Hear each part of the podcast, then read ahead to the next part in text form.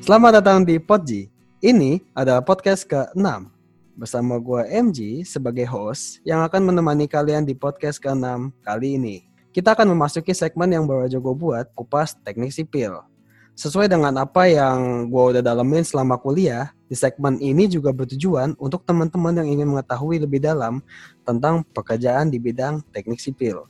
Bersama gue ada narasumber yang kece banget yang akan menemani kita di podcast kali ini. Yang pertama ada Henderson. Halo. Halo, halo, halo. Ini teman gue Henderson. Biasa gue panggilnya Acek. Oh di sini lo mau dipanggilnya apa nih? Boleh apa aja yang enak dipanggil. Oke, gue panggil Acek ya. Oke. Yang kedua, yang kedua ada Ronaldo. Halo Ji, Biasa gue panggilnya Raisi. Lu mau dipanggil apa nih di sini? kayak biasa aja, kayak biasa aja. Oke. Ah, gimana kalian kabarnya baik? Baik, baik banget kok Ji. Alhamdulillah masih banget. Baik Ji, lu gimana? Gua baik sih. Selama corona ini gua WFA. Kalian WFA? Iya, kebetulan WFA karena emang dari pemerintah kan juga kan menghimbau supaya kita social distancing. Kebetulan kantor kita juga menerapkan itu makanya kita WFA. Iya. Oke, kalian WFA sibuk banget dong berarti. Eh, sibuk, cuman nggak sesibuk sebelum WFH sih. Jadi karena emang selama di rumah kan mungkin agak terbatas, jadi kesibukannya emang agak berkurang.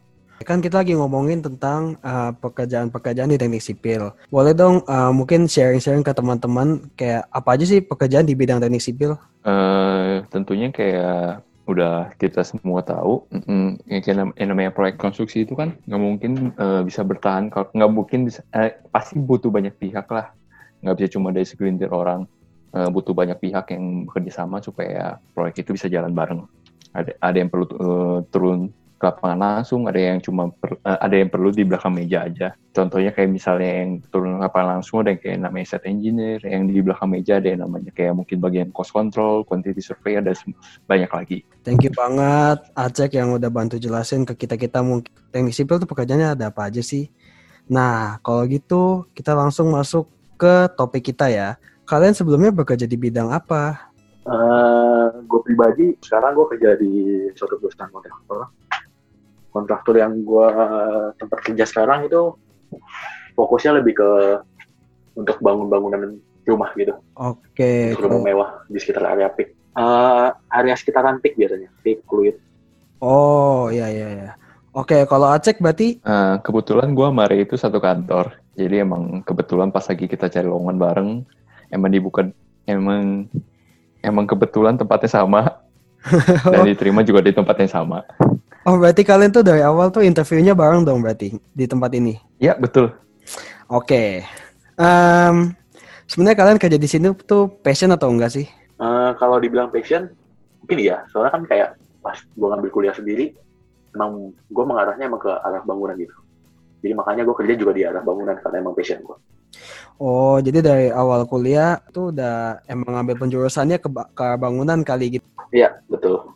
Oke, kalau Acek sendiri gimana? Passion nggak kerja di sini? Eh, tentunya sih iya, karena emang kayak eh, kayak alasannya Ray bilang, gue juga pas lagi SMA 3 lagi eh, pilih penjurusan, gue milih teknik sipil, dan gue ngerasa ketika eh gue nggak mau mengkhianati apa yang udah gue pelajarin. Emang mungkin banyak orang, emang mungkin banyak orang yang eh, nggak sependapat sama gue, tapi gue ngerasa jati diri gue di sana. Oke, gila nih. Udah berapa lama kerja di sini? Eh kebetulan ini setelah gue lulus wisuda, ini bulan ke-9 gue di, kan di kantor yang sekarang gue tempat kerja. Oh, oke oke. Berarti uh, kalian berdua sama ya? Sama-sama bulan ke-9 nih berarti ya? Iya, betul.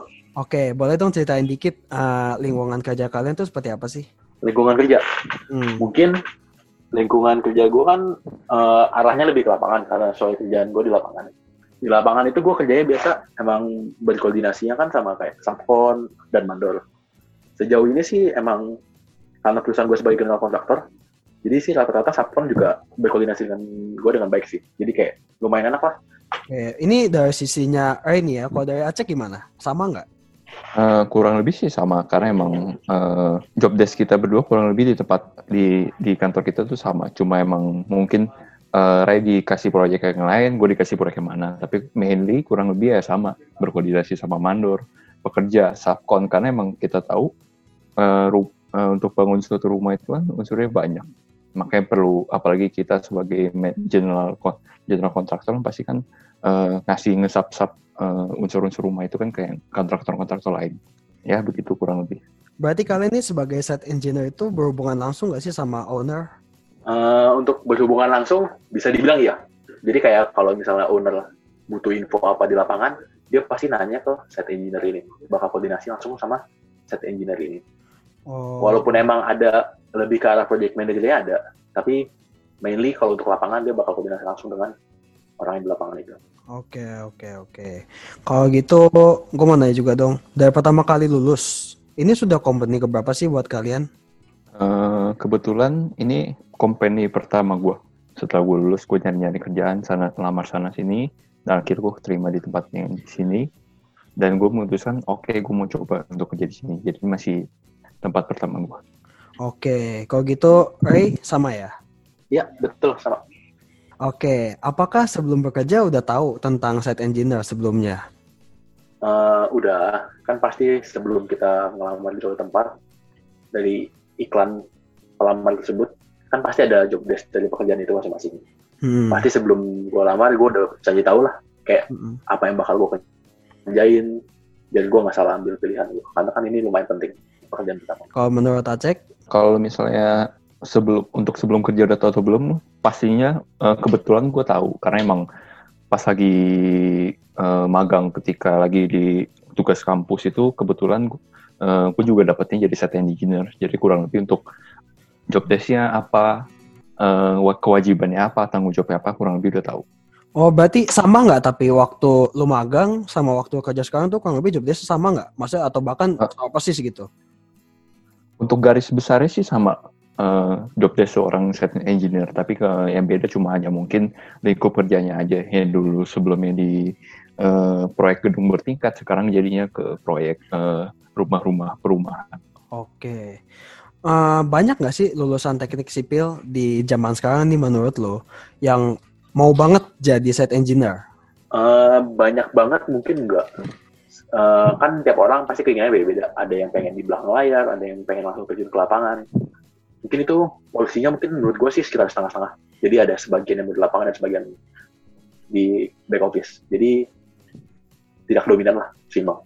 Oke, kalau misalnya menurut Acek gimana?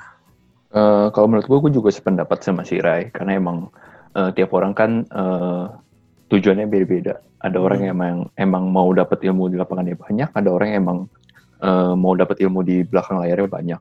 Oke. Tiap, balik lagi ke tiap orang. Kalau gitu nih tujuan akhir kalian bekerja sebagai set engineer tuh apa sih? Misalkan ada ada aja tuh yang punya cita-cita tuh. Kalau misalnya gue di sini ngambil ilmu tuh gue mau mau jadi sesuatu. Tujuan akhir kalian apa sih sekerja jadi sebagai set engineer ini? Uh, yang pasti menurut gue kalau lu kerja di lapangan pengalaman yang lu dapat itu menurut gue lebih banyak karena lu langsung terjun, lu melaksanakan. Oke. Okay. Itu sih salah satu alasan gue ngambil di lapangan tersebut set engineer. Kalau Acek? Uh, kurang lebih gue juga mirip sih karena emang gue ngerasa uh, teknik sipil itu kan ilmu yang kayak uh, perlu tujuan perlu turun ke lapangan lah kayak kasarnya banyak banget yang cuma kuliah 4 tahun dan ujungnya nggak tahu apa-apa gitu kasarnya begitu. Oke. Okay, uh, yang paling penting tuh uh, gimana realnya di lapangan gitu. Makanya gue mikir uh, seenggaknya gue harus coba terjun ke lapangan supaya gue tahu apa sih yang bedain ilmu di kampus sama apa yang sih yang bedain ilmu di kampus dan ilmu di lapangan itu. Oke, itu tadi pertanyaan pemanasan ya, teman-teman. Ini baru nih kita masuk ke pertanyaan intinya. Nah, kriteria lulusan teknik sipil yang bisa kerja di site engineer itu seperti apa sih? Untuk kriteria, menurut gue lebih enak kalau orangnya emang passion. Karena emang bukan, emang jarang sih, emang butuh passion banget. Tapi menurut gue itu penting. Karena lu kalau misalnya nggak ada passion ya, lu pasti kerja setengah-setengah, malas-malesan itu berpengaruh besar pada produktivitas. Jadi menurut gue passion perlu. Oke, jadi kalau misalnya nggak passion, menurut lo mending nggak usah kerja di site engineer gitu ya? Bukan nggak usah sih, itu mah pilihan. Ah. Itu kan menurut gue aja kriterianya. Berarti kalau nggak buat lebih ngebantu buat produktivitas lo. Kemampuan yang harus sebaiknya dimiliki oleh site engineer dalam melaksanakan pekerjaannya itu apa sih? Uh, kalau menurut gue sih uh, kemampuan paling penting itu kan kalau misalnya kita terjun ke lapangan itu kan kita paling paling penting itu harus bisa yang namanya memahami gambar menurut gue sih begitu ketika karena apa yang dia kerjakan di lapangan itu pasti sesuai dengan gambar. Makanya lu harus benar-benar paham apa yang namanya gambar struktur dari seperti misalnya penurunan balok lo harus benar-benar ngerti semuanya menurut gue seperti itu. Uh, yang yang pasti harus bisa itu adalah lu harus bisa baca gambar gitu ya shop drawingnya gitu ya. Iya setuju. Iya lu- setuju ada lagi nggak? Maksudnya kayak selain kita harus bisa baca shop drawing ada lagi nggak sih kemampuan yang harus kita miliki sebagai set engineer dalam melakukan pekerjaannya?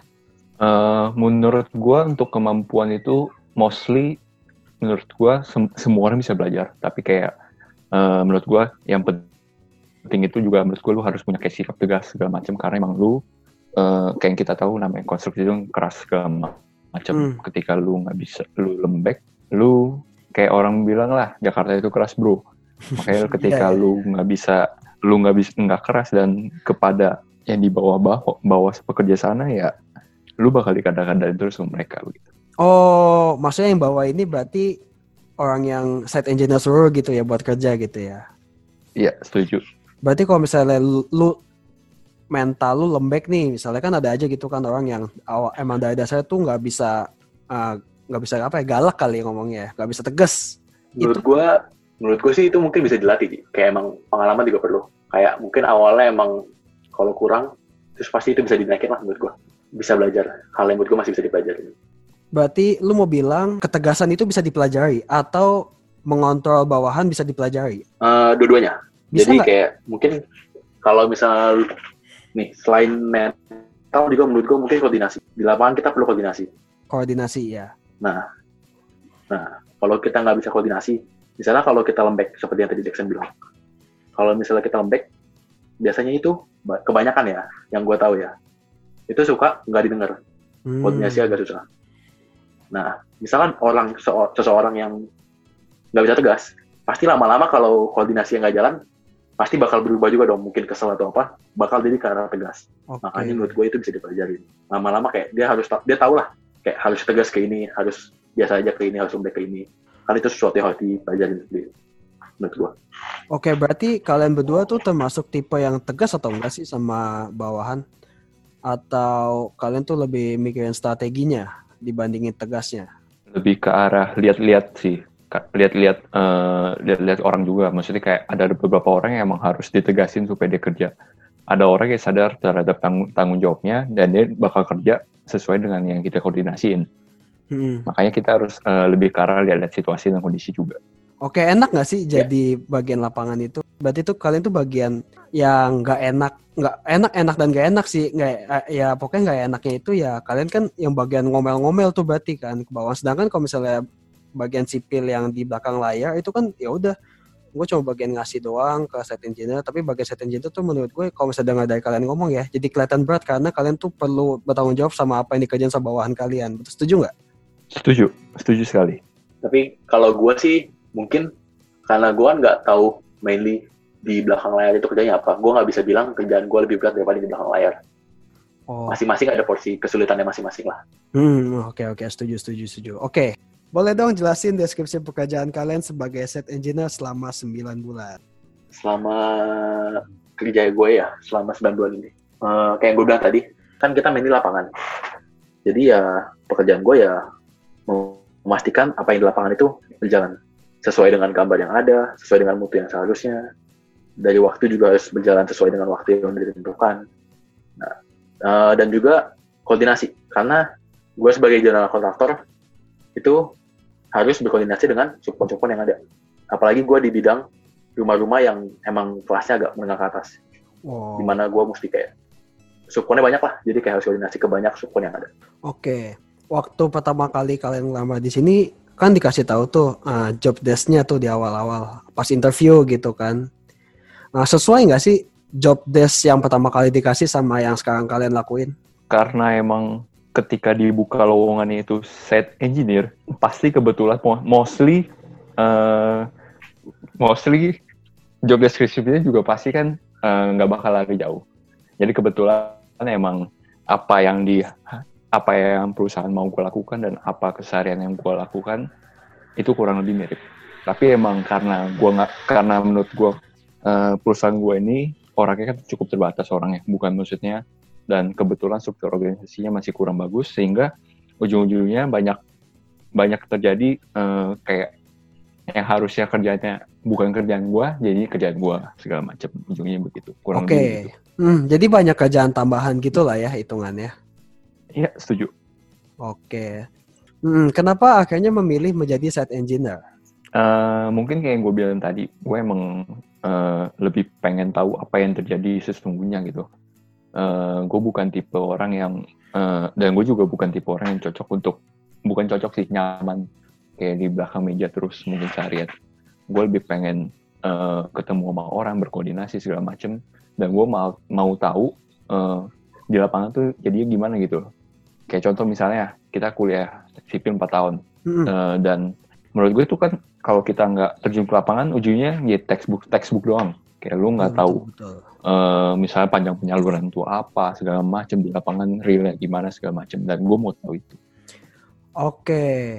Sebelumnya sebelum kalian memilih ini pertanyaan untuk berdua ya. Sebelum memilih menjadi site engineer ada nggak sih opsi lain? option lain Hmm, mungkin gue sempat kayak mau coba ke arah yang di balik layar tadi kayak gue juga mempertimbangkan lah plus minusnya apa yang gue bisa pelajarin di lapangan apa yang bisa gue pelajarin di balik layar di belakang meja lah hmm. Tepatnya.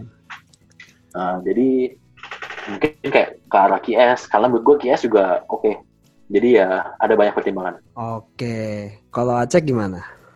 Ada opsi lain nggak gua- selain engineer? jujur tuh kayak jujur kayak misalnya ketika gue awal-awal ngelamar kerja eh gue mikir kayak gue tuh seorang fresh graduate gitu kan. Hmm, menurut gue gue nggak selalu bisa milih apa yang gue mau gitu loh.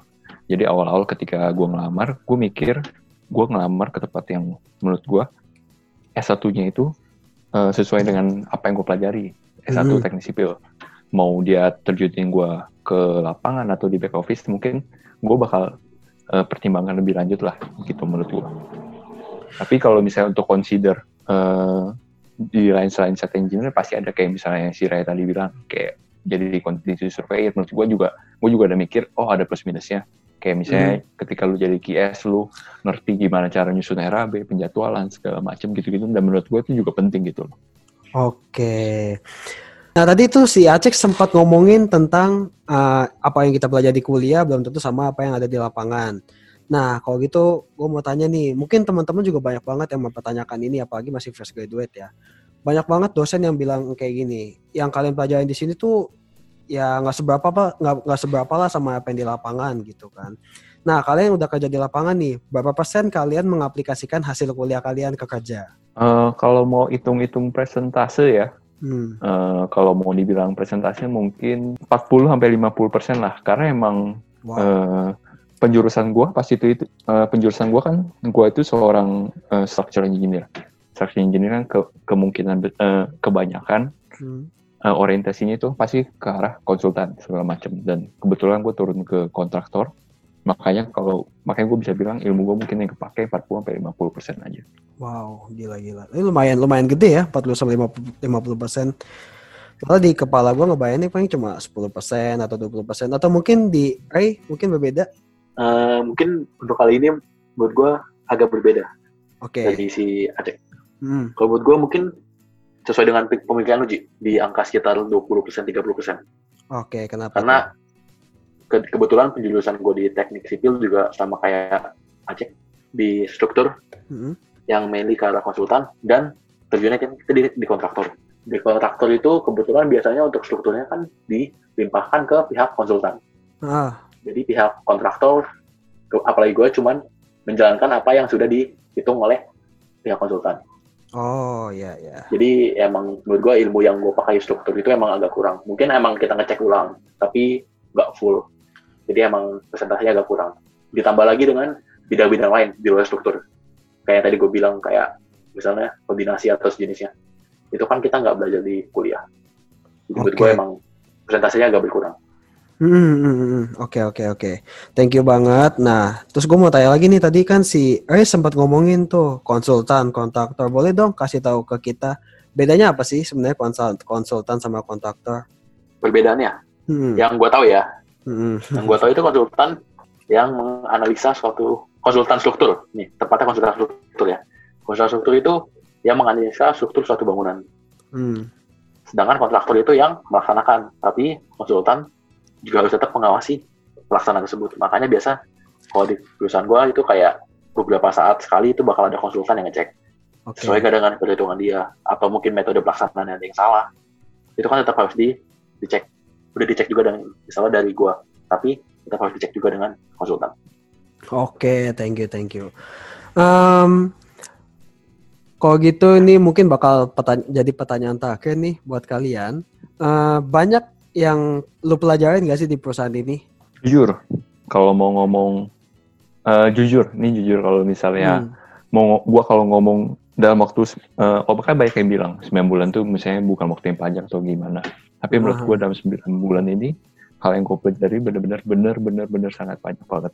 Banyak banget yang berarti ya. Banyak banget karena yang mostly yang gue bilang dari tadi apa yang lu pelajarin di kuliah eh, banyak banget yang berbeda dengan apa yang terjadi di kenyataannya. Oke. Eh, contoh, kayak contoh kayak misalnya ketika lu kuliah lu cuma bisa difokusin eh, misalnya contoh eh, misalnya contoh manajemen konstruksi pekerjaan persiapan nih apa aja gini-gini setting out segala macam gini-gini tapi eh, ketika di lapangan kan eh, banyak hal yang harus disesuaikan segala macam nah dan itu nggak gue jumpai di perkuliahan banyak banget yang gue dapetin selama 9 bulan ini Hey, gimana? gua gua juga bisa dibilang sama banyak banget banget karena Banget ya. kebetulan kan project yang gua pegang dan Acek pegang itu berbeda Hmm, karena kita Oh iya, itu beda ya. masing-masing project ada side engineer dan gua di proyek yang berbeda dengan Acek Hmm, iya iya. Nah, jadi gue ada megang beberapa proyek, ada proyek yang emang lagi berjalan struktur, ada yang berjalan finishing. Oke. Nah, di finishing ini emang agak melenceng dari pekerjaan sipil gue. Finishing ini lebih ke arah menurut gue arsitek, kayak misalnya marmer, titik lampu, plafon itu kan benar-benar di luar. Kita nggak pernah belajar tentang itu. Iya iya iya betul betul betul. Gue juga nggak mikir bakal ba- belajar ke sana, tapi gue eh, mengalami itu ya pasti gue belajar dong. Hmm. Ada di depan mata kan masa nggak gue pelajarin. Jadi itu iya. yang gue pelajarin kayak yang tadi gue bilang tadi. Jadi kayak menurut gue pengalamannya banyak banget dalam waktu 9 bulan ini. Gila. Oke, ini abis ini gue pengen sih kalian ngasih tips sih buat teman-teman. Tapi sebelum itu ada pertanyaan yang banyak banget anak sipil pasti tanya nih. Fakta atau enggak, kalau misalnya kalian kerja di bidang sipil apa pun itu, pasti lembur. Fakta. Fakta ya. Kalian ini enggak lem- suka lembur enggak? Eh, suka nggak? Sering ya? Oh, Suka mah nggak? Sering suka, ya? suka enggak? Iya iya iya. Sering. Oke, berarti kalau misalnya kalian lembur tuh sampai jam berapa sih biasanya? Apalagi kan kalian anak lapangan banget nih. Eh, karena gue nggak pernah di perumahan dan perumahan ada jam malam ya. Jadi kita nggak bisa semalam-malam banget. Paling malam waktu itu kayaknya sekitar jam setengah satu jam satu. Gila, tapi itu udah malam banget sih ya. Oke, ini pertanyaan juga nih. Ini pertanyaan juga nih. Apalagi kan anak-anak muda biasanya mempertanyakan hal-hal yang menurut mereka tuh harus ditanya sebelum mereka masuk ke dalam suatu bidang pekerjaan. Apakah site engineer mempunyai jenjang yang pasti? jenjang yang pasti jenjang yang pasti itu kan rada ambigu ya kadang kayak maksudnya Hmm. jenjang yang pasti itu kan kayak gimana tapi gue cuma bisa bilang eh, kalau lu menurut gue set- setiap pekerjaan ketika lu tekuni dengan baik menurut gue pasti lu ada itu ada jenjang yang pastinya menurut gue begitu ketika Oh. lu eh, lu benar-benar bekerja dari sungguh-sungguh terus dan lu eh, nggak lupa juga berdoa berdoa sama yang di atas lu pasti menurut gue lu pasti dikasih jalan sama yang di atas Oke, oke, sama yang di atas ya. Sama yang di atas luar biasa. Oke, kalau gitu ini penutup. Kasih tips dong buat teman-teman yang akan lulus atau misalnya ya teman-teman lagi cari kerja yang mungkin tertarik untuk menjadi site engineer. Tips. Hmm, Eh, coba, maksudnya menurut gue sih pelajarin dulu apa kerjaannya, job desk-nya. setuju. Cari tahu dulu emang lu mungkin perlu survei atau mungkin sejenisnya. Jadi kayak lu supaya nggak salah ambil jalan lah. Ini kalau udah masuk, lu kan nggak bisa setengah-setengah keluar. Menurut gua nggak nggak nggak baik lah setengah-setengah. Hmm, Jadi menurut gua lu matengin dulu mau ambil ke arah mana, jadi lu baru tentuin. Dan juga lu mesti mikirin, lu endingnya mau kayak gimana. Kalau lu endingnya mau bikin konsultan, lu buat lu kalau mau endingnya bikin konsultan ya mungkin menurut gua lebih baik ke arah sana. Atau mungkin lu mau belajar juga nggak salah. Cuman sesuai plan lu lah, lu mesti bikin plan lu baik-baik. Oke, kalau menurut Acek ada tips mungkin? Uh, untuk tips sih pasti sama ya kurang lebih kayak Ray bilang. Uh, lu harus benar-benar pahamin dulu apa yang lu mau, apa yang menjadi target lu ke depannya.